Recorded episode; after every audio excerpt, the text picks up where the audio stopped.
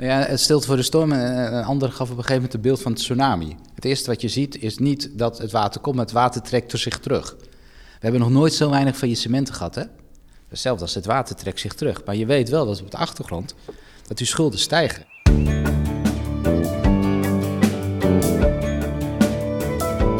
Dit is een podcastserie over de achtertuin van ruim 3,7 miljoen Nederlanders. De provincie Zuid-Holland.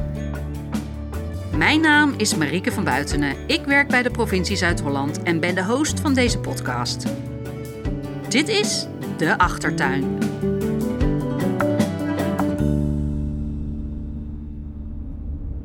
In deze achtertuin, opgenomen tijdens de februaristorm, de vraag: hebben we voldoende zicht op de gevolgen van de coronapandemie voor de bewoners en gemeenten van Zuid-Holland? Vandaag is onze gast Paul Vroonhof. Hij is onderzoeker bij Pantheia en deed voor de provincie onderzoek naar deze armoedevraag. Het onderzoek van Pantheia laat zien dat de meeste armoede in Zuid-Holland in Den Haag en Rotterdam te vinden is.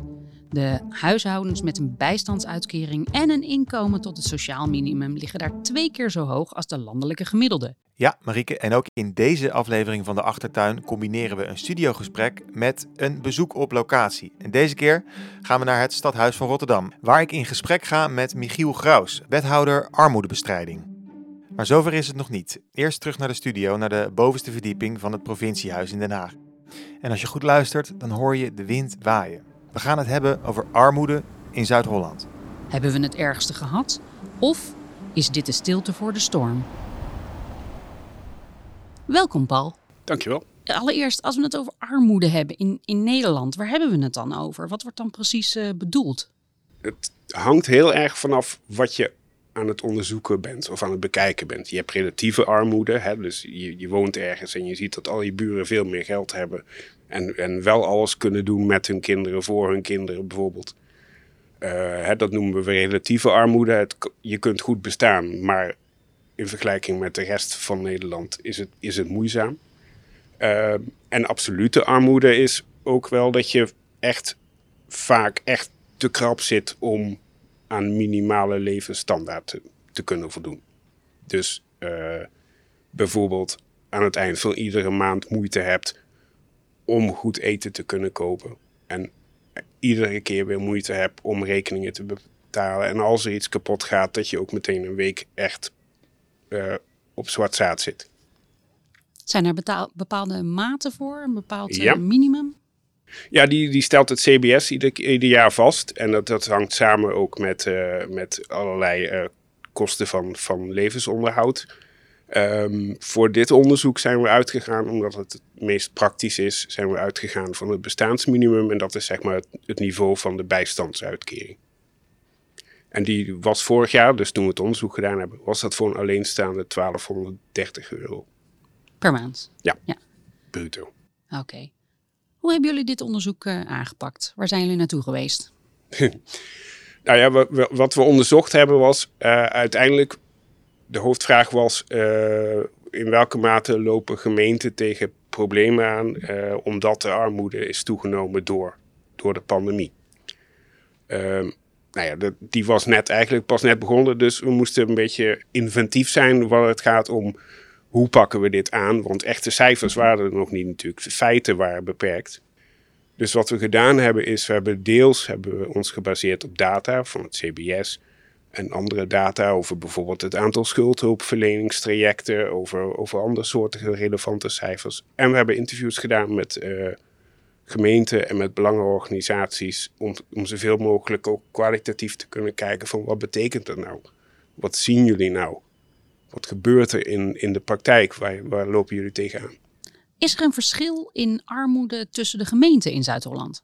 Uh, ja, zeker. Zuid-Holland is gemiddeld genomen, uh, heeft, kent sowieso iets meer armoede. Uh, dat komt vooral omdat twee van de vier grote steden in Zuid-Holland liggen. Die, de, de grote steden hebben wat dat betreft eh, uh, staan er het slechtst, slechtst op. Daar wonen relatief de meeste mensen in armoede. Wat je wel ook meeneemt, hebben we, we, hebben voor het onderzoek hebben we zeven clusters gemaakt op basis van wat we hadden aan datamateriaal. Dat hebben we eigenlijk allemaal op een hoop gegooid.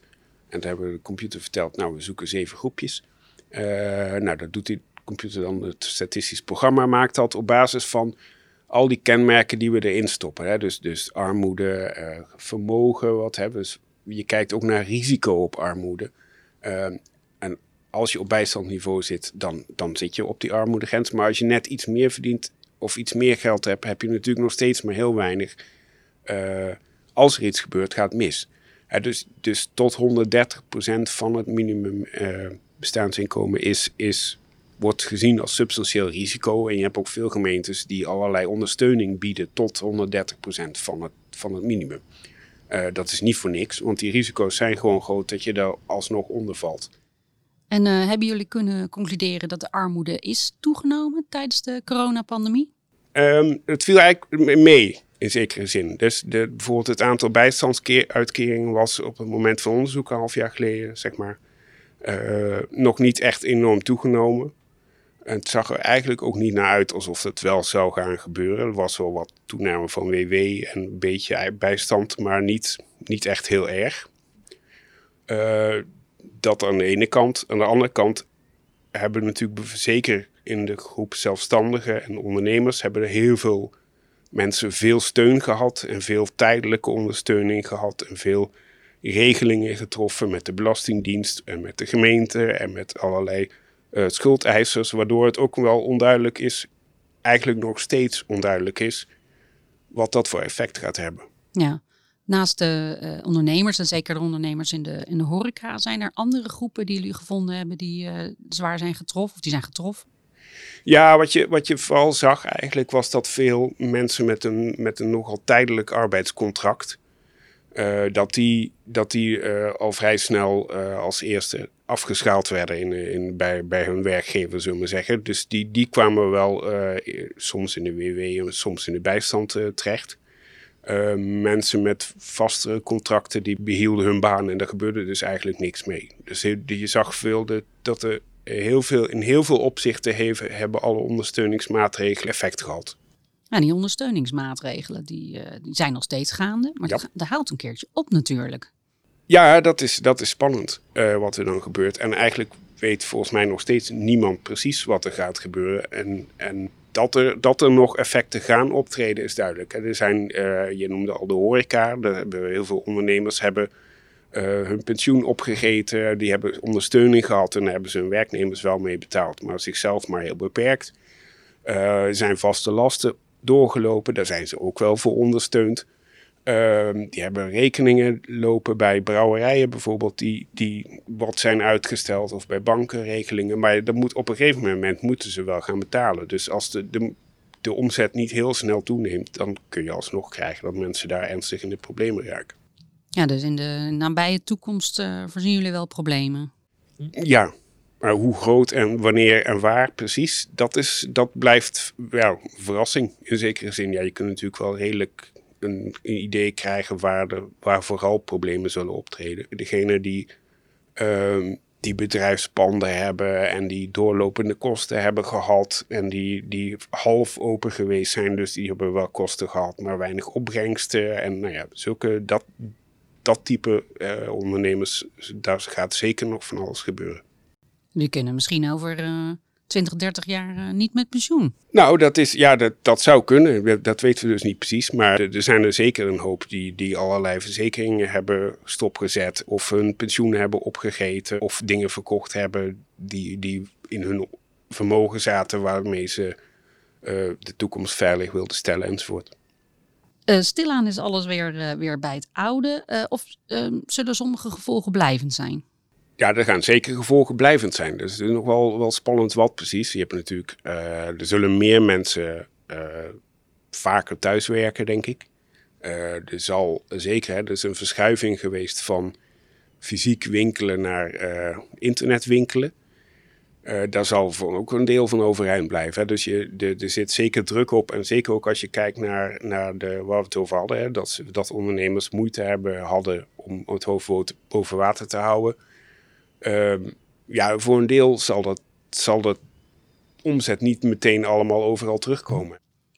Nou heeft de provincie heeft officieel geen rol in het sociale domein. Het, is geen uh, uh, taak van de provincie om iets aan armoede te hebben. Maar de provincie wil blijkbaar niet de handen blijven zitten. Ehm, jij hebt gesproken met de gemeente. Wat vinden de gemeenten bijvoorbeeld dat de provincie kan doen? Het allerbelangrijkste wat, er, wat wel verschillende keren naar voren kwam, was dat ze wel behoefte hebben aan uh, kennisdeling op dit terrein. En dan vooral als het gaat om, om terreinen waar ze eigenlijk nog maar beperkt ervaring hebben. Dan, dan gaat het met name om, oké, hoe bereik ik zelfstandigen? Hoe bereik ik ondernemers? Hoe zorg ik dat ze op tijd aan de bel uh, trekken? Uh, dat er een probleem dreigt? Um, hoe overtuig ik ze ervan dat ze, dat ze echt om hulp kunnen vragen? En, en hoe zorg ik dat het, dat het hulp is die past? Uh, bij, bij hun leefwereld. Want het is natuurlijk anders als je zelfstandige bent dan als je werknemer bent. Dan heb je een heel ander uh, denkwereld waar je in zit, zeg maar. dan moet je dus ook op een andere manier benaderd worden. En dat is wel lastig. Dus veel gemeenten hebben wel loketten die zich richten op ondernemers en zelfstandigen, maar dan heel erg vanuit de bedrijfskant. dus over de vestiging en over allerlei belastingen en over uh, wanneer een winkel open mag zijn en zulke dingen maar niet zozeer over het inkomen van die mensen zelf. En over uh, allerlei dingen die daarmee samenhangen. Dus we hebben bijvoorbeeld uh, over in welke mate allerlei inkomensafhankelijke regelingen op gemeenteniveau ook beschikbaar zijn voor, voor ondernemers en hun gezin. Wat heeft jou nou het meest verrast aan uh, de uitkomsten van dit onderzoek? Nou, toch eigenlijk wel dat het uiteindelijk de gevolgen nog zo beperkt zijn. We hadden nou niet de indruk dat het nou enorm veel gevolgen had al, maar het was nog minder eigenlijk dan we verwacht hadden. En voor de toekomst? Het blijft echt heel spannend hoe dat, hoe dat met, uh, met veel ondernemers en zelfstandigen verder gaat. En, en dat is ook echt een grote uitdaging op gemeenteniveau. En wat kunnen gemeenten en misschien ook provincie daaraan doen? Nou, wat ze in ieder geval, ze kunnen van elkaar leren. Dus we zijn al een aantal gemeentes tegengekomen. Er staan ook een paar, leuke voorbeelden van uh, in, het, in het rapport. Uh, hoe gemeentes dat doen. En sommigen zijn daar heel innovatief in. En wat vaak helpt is dat als je een goed netwerk van ondernemers binnen je, binnen je gemeente hebt. Die meedenken en die, die uithangbord kunnen zijn. Of, of uh, kan heel erg helpen om het zo te communiceren dat het in de leefwereld van een ondernemer zit. In plaats van dat het een, een overheidsverhaal is. Het onderzoek van Pantaya toont aan dat zowel relatief als absoluut de meeste armoede in Zuid-Holland voorkomt in Den Haag en Rotterdam. Met het rapport onder mijn arm neem ik de trein van 070 naar 010. In het stadhuis heb ik afgesproken met wethouder Michiel Graus. Nou, meneer Graus, hartelijk dank dat we hier mogen zijn vandaag. Ook maar direct met de deur in huis. Het uh, rapport van Pantaya, wat onlangs verschenen is, dat kwam niet als een verrassing. Nee, dat kwam niet als een verrassing toen ik uh, hier begon in, uh, in 2018. Toen waren net de verkiezingen klaar met, met verkiezingsdebatten. waarin heel veel partijen zeiden: de armoede moet echt naar beneden. 1 op de vier kinderen, 25% van de kinderen groeit op in Rotterdam in armoede. Dat werd in die verkiezingsdebatten en dat, dat, dat willen we niet. Nou, dit is een van de belangrijkste thema's. Daar willen we een aparte wethouder voor krijgen. Nou, dan ga je vervolgens zeggen: van ja, maar iedereen zegt dat. Maar wat is dat dan? Uh, ja, dan kom je in het Centraal Bureau van de Statistiek. Nou, dan ga je cijfers ophalen. Dus ik heb van het begin allerlei cijfers opgehaald, maar vooral ook de beelden en, en, en de geluiden van de mensen zelf. Dus de ervaringsdeskundigen. En formeel is het toen begon 20,6 procent. Volgens CBS-cijfers groeit op in armoede, kinderen in Rotterdam. dat is van 20,6 nu stap voor stap teruggegaan naar 16,6. Dat is de grootste daling in Nederland met eerlijke verhalen is wel, is dat landelijk is uh, nog geen procent gedaald, maar dat is wel 8 procent. Dus we zijn twee keer, ruim twee keer zo hoog als het landelijk gemiddelde. Dus we zijn nog steeds de armste stad, maar zouden we dit zo doorzetten, dan uh, zijn er anderen uh, die ons gaan inhalen. Wat merkt u daarvan in, uw, in de dagelijkse praktijk? Heeft u ook veel contact met mensen die in armoede zitten? Of ja, wat is uw connectie met, met de praktijk? Ja, die is groot. Want zoals ik al zei toen ik begon, ik, ik, ik had niet de pretentie dat ik alles wist, of dat mijn mensen alles wisten. En zeker ook omdat je het wantrouwen richting de overheid heel erg groot is. Dus dan moet je hier niet in het stadhuis gaan zitten. Maar dan ga je erop uit. Dus op je fiets met een spijkerbroek aan. Uh, en ook in coronatijd overigens heb ik dat gedaan. Maakt het dan uit wat voor soort broek je aan hebt? Nou ja, kijk, ik ben ook de wethouder van Rotterdam. Dus als ik wil, dan kom ik met de dienstauto met chauffeur. Maar het maakt dus wel het verschil of je mensen hier uitnodigt drempel heel erg hoog. Of dat je naar ze toe gaat. Het maakt het verschil uit welk moment je komt, hoe je je gedraagt. Of je wil luisteren, of je zegt, jongens, wij zijn meer het probleem als overheid dan de oplossing. En ik wil naar jullie kijken wat ik kan doen. Dat is de houding vanaf het begin geweest. En dat, dat, dat maakt wel het verschil. Als je in de stad bent, wat, eh, hoe reageren mensen daar dan op? Heel erg wisselend. Maar ik, ik, ik ben er uh, in het begin, toen was er nog geen corona. Dus dan kwam je heel makkelijk. En dan zeiden allemaal mensen, oh, mag ik je rondleiden? Ik wil eens met je in gesprek gaan. Het ging meehelpen bij, bij een uitdeelpunt van de voedselbank. Maar ook bij mensen echt thuis. En dan zie je soms mensen dat je denkt van, ja, poeh. Uh, zeggen, ik weet niet hoe ik me rond moet komen. Maar ja, dan zit iemand in een scootmobiel. Die heeft zware overgewicht. En er hing ook nog een of andere medisch apparaat bij. En dan zie je een doos sigaren op de tafel liggen. Dan denk je, ja, dat is, dat is geen slimme combinatie. Dus dan, dan gaat het in mijn, mijn hoofd natuurlijk allerlei alarmbellen af. En dan vervolgens ga ik in gesprek met de wetenschappers. En zeg maar, wat, wat zie ik dan gebeuren? En zeg ja, wat je ziet is dat mensen in de armoede, die zitten vooral in de overlevingsstand. Dus die stress, die is gigantisch hoog. En als je heel veel stress hebt, wat, waar heb je dan behoefte aan? Wat wordt dan heel erg geduwd? Dat is directe behoeftebevrediging. Dus ik zie heel veel mensen die in de armoede zitten ook keuzes maken die niet verstandig zijn. Roken, maar ook alcohol. Ehm, en daar kan je iets van vinden, daar kan je een oordeel over hebben, daar heb je niet zoveel aan. De enige oplossing volgens de wetenschappers is, ga de stress verminderen. Dus ik merk ook bij mezelf wel vooroordelen die opkopen. En dan mijn zoektocht is, hoe kunnen we effectief mensen helpen? Hoe kunnen we de stress verminderen, zodat mensen ook ja, kijk, roken is gewoon buitengewoon dom. Het kost heel veel geld, is slecht voor je gezondheid. Nou, dat soort voordelen bij mezelf en bij anderen heb ik proberen eerlijk op tafel te leggen. Van, wat, is, wat nou goed? Hoe kunnen we nou dicht bij mensen zijn? Uh, want armoede heeft te maken met zorgkosten. Armoede heeft te maken met isolement. Het zijn mensen die in de slechtste huizen wonen. Slechts geïsoleerd, met de hoogste stookkosten. Die stookkosten die gaan de, door het dak. Het heeft met alles te maken. Wij geven heel veel boetes aan mensen die in de stress zitten. Dan komen ze uit de stress, bijvoorbeeld daklozen, vinden ze een woning. En dan komen al die boetes gooien we op hen neer. Willen ze hun leven beteren en dan geven wij ze een nekschot als, als overheid. Klopt niet. Wat zijn dan manieren waarop jullie dat doen? Die stress verminderen? Of is dat met geld? Ja, onder andere met geld. Als je heel erg, praktisch redeneert, je kan tegen iemand zeggen van joh, je bent aan het verzuipen, maar uh, hou vol, uh, doe hard je best. Ja, maar dan, dan moet je gewoon uh, een reddingsboei gooien. Dus soms zijn het reddingsboeien. Soms is het direct financiële hulp. Alleen dan ben ik weer even van de feiten. Zo van, maar, maar wie zit er nou echt in de knel? Dan hebben we het Nibud gevraagd met een minima-effectrapportage. Zoek eens uit in de koopkrachtplaatjes welke groepen hebben het, hebben het lastig. Het waren verschillende groepen die, die gewoon echt niet rondkwamen. En er waren groepen dat als ze groeiden in inkomen, dat ze er net op achteruit gingen. De armoedeval en de doorstroomval.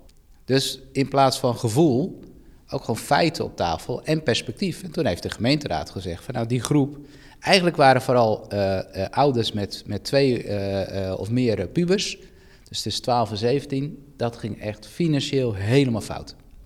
Ze waren in het rood en stappen vooruit. Nou, dan hebben wij het jeugdtegoed verhoogd in een bedrag. Dat is naar 500 euro per jaar gegaan. Dus als je twee of drie tieners hebt, dat, dat is interessant geld. Maar ook de groep waarvoor we het doen, dat was eerst 110% van het wettelijk sociaal minimum. Dat hebben we naar 130% gedaan, zodat we ook de werkende armen in beeld krijgen.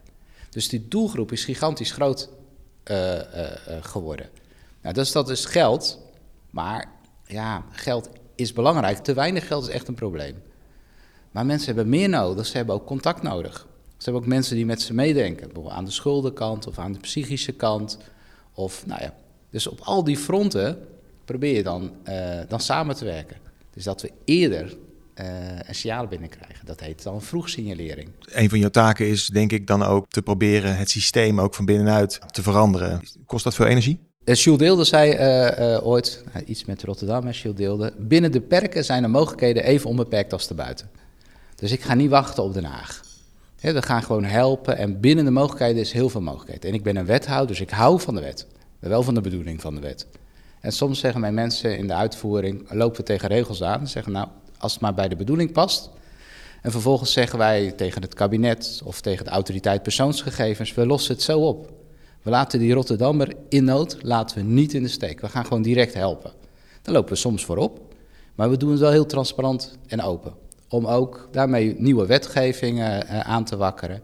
En ook mensen mee te laten denken. En zo leren wij ook heel veel van, van andere uh, organisaties, ook gemeentes. Werken jullie ook, uh, trekken jullie dan samen op met andere gemeenten? En hoe gaat die kennisuitwisseling? Hey, hey, als je als de armste stad uh, van Nederland bent, dan heb je helaas ook heel veel mensen nodig die ermee bezig zijn. En dat leidt ook tot specialisme.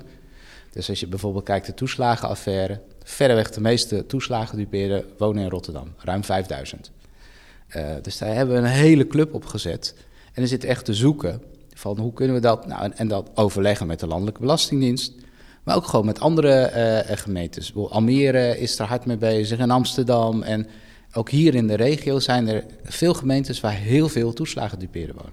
Dus dan zoeken we met elkaar van hoe doen jullie dit, hoe doen wij dat. Um, en er zit ook soms frustratie in. Het duurt te lang. Het klopt niet. Het is, het is onrechtvaardig. Het waren onze schulden als overheid en niet hun schulden. We laten mensen gewoon in die schulden zitten. Dat is gewoon onacceptabel. En die mensen waren bij mij al in de kredietbank. Die waren met de regeling bezig. En eigenlijk moesten we wachten. En we hebben gezegd, we gaan niet wachten. We halen die mensen in één keer van de schulden af. En nemen als gemeente, pakken we de rekening op. En het kabinet belooft dat te betalen. Nou, dat, dat zal een aantal uh, maanden of, of ruim een jaar duren. Nemen we maar het risico. Nou, en het leuke is, als wij dat dan doen, in dit geval voorop lopen, dan zeggen andere gemeentes: hé, hey, dit is interessant. Kunnen wij dat ook doen? Ja, dan moet je wel een goede schuldhulpverlening hebben, een eigen kredietbank of iets vergelijkbaars. Uh, dus dat pakken wij dan op en dat roepen we dan tegen anderen. En, en nou ja, uh, de gemeente Den Haag bijvoorbeeld, die heeft een jongerenperspectieffonds al lang. Dat hebben wij gewoon gekopieerd. Dat is gewoon echt goed hoe zij dat deden. Dus weet je wel, de, uh, en er is best wel veel, veel onderling contact, bestuurlijk, maar ook ambtelijk. Jongeren is een doelgroep. Een andere doelgroep waarover ook uh, informatie aan het licht is gekomen, uh, onder andere ook door het onderzoek, zijn de, de ondernemers, uh, de ZZP'ers. hoe is het daarmee gesteld in Rotterdam? En hebben jullie de capaciteit om ook die groep te, te ondersteunen? Um, als ik naar het hele armoededomein kijk, grofweg de helft zit in de bijstand. Dan heb je nog een, een deel, die heeft, zijn ouderen met pensioen, AOW. Um, en een deel is de werkende armen. Uh, die werkende armen konden we heel slecht in beeld krijgen. Nou, als je ondernemers, et cetera, zegt van ja, de overheid, nou, dat is dan toch meer een probleempost waar je uh, uit probeert te, te blijven. Uh, dus de taboe om te zeggen, hé, hey, ik heb problemen, ik kom naar je toe, in die hoek is gigantisch groot. Toen corona kwam, corona is eigenlijk de, iedereen met weinig reserves wordt het hardst geraakt. Als je weinig financiële reserves hebt, zie je dat je vrij snel hard geraakt wordt. Nou, en dat hebben we met heel veel ZZP'ers ook gezien. Die kwamen massaal voor noodsteun. En dat ging ook via onze loketten. Die ondernemers konden jullie loketten wel vinden en die durfden daar ook heen te gaan? Nou, ja, ze zijn met duizenden gekomen. Voor uh, onder andere de Tozo, de Nou, de TVL, de Tonk, et cetera. Dus ze zijn met duizenden... Ik, ik weet alleen niet of er niet nog veel anderen zijn die niet zijn gekomen. Hè, want dat is, dat is het, het, het vervelende. Wij weten echt niet precies wie er in armoede zit. Dat is het mooie dat we heel veilig met, met ieders privacy uh, uh, omgaan. Dat is fijn. En tegelijkertijd zou je op dat soort momenten veel meer willen weten wie heeft het nou nodig en kunnen we uppatee in één keer geven. In plaats van allerlei formulieren en, en aanvragenroutes. Nou ja. Dus we zagen echt duizenden die zich melden. En jouw terechte vraag is, is dat de hele groep? Ja, dat weet ik niet. Zitten we dan wat dat betreft ook misschien in de stilte voor de storm? Hoe ziet, hoe ziet u dat? Ja, het stilte voor de storm. En een ander gaf op een gegeven moment het beeld van het tsunami. Het eerste wat je ziet is niet dat het water komt, maar het water trekt er zich terug. We hebben nog nooit zo weinig faillissementen gehad, hè?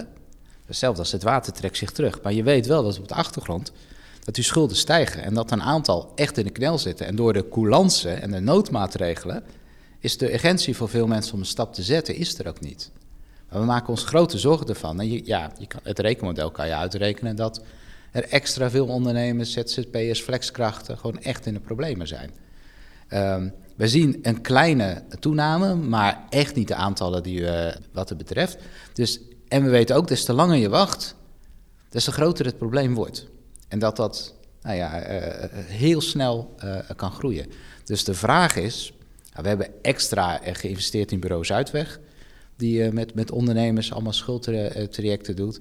Bij ons regionaal bureau Zelfstandigen, dat binnen de Kamer van Koophandel zit. Ook extra menskrachten uh, gezet. Dus aan alle kanten ben je aan het opschalen, aan het vers versterken. Maar we zitten nog vooral nu heel veel in noodsteun. Ik heb ook een, een pilot laten draaien om te kijken of ik ondernemers sneller uit de schulden kon krijgen. Dat is niet gelukt. Want ondernemers hebben hele grote schulden, vaak. Uh, dat, de gemiddelde schuld bij mij bij de kredietbank is zeg maar uh, nou, 45.000 euro. Uh, de gemiddelde schuld bij ondernemers is vaak tonnen. Dus als je met een schuldregeling komt, dan kan je die schuldeisen maar heel weinig geld bieden. En veel ondernemers, hun, hun belangrijkste schuldeiser is hun familie. Dus dan, dan heb je zomaar een lening van 30, 40.000 euro bij je broer lopen. Dus informele schulden, daar heb ik ook met de minister over gehad. Informele schulden bij ondernemers is echt een ingewikkeld groot vraagstuk. Uh, wat we wel nu doen, is, is dat we uh, de boekhouder soms door ons laten betalen als gemeente.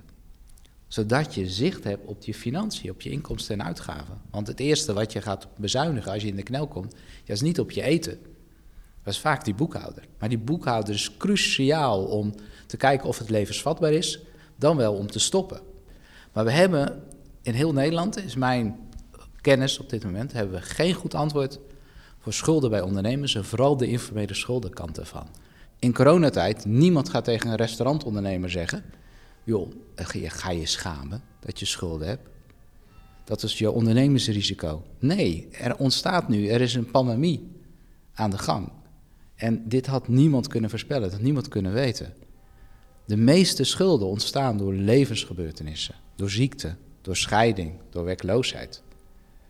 En corona is, is een gigantisch iets. Dus ik merk dat het taboe rond schulden wel verandert.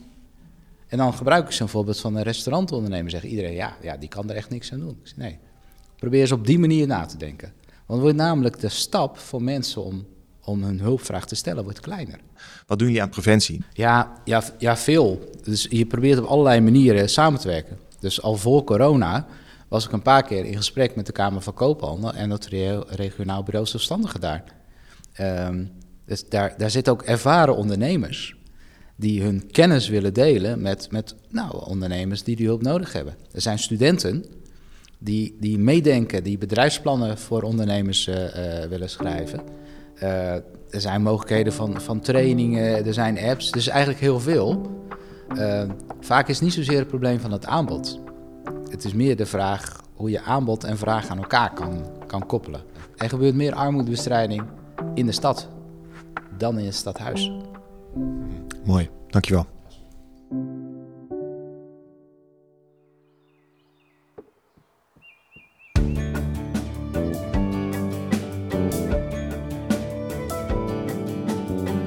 Dit was De Achtertuin, geproduceerd door Klank.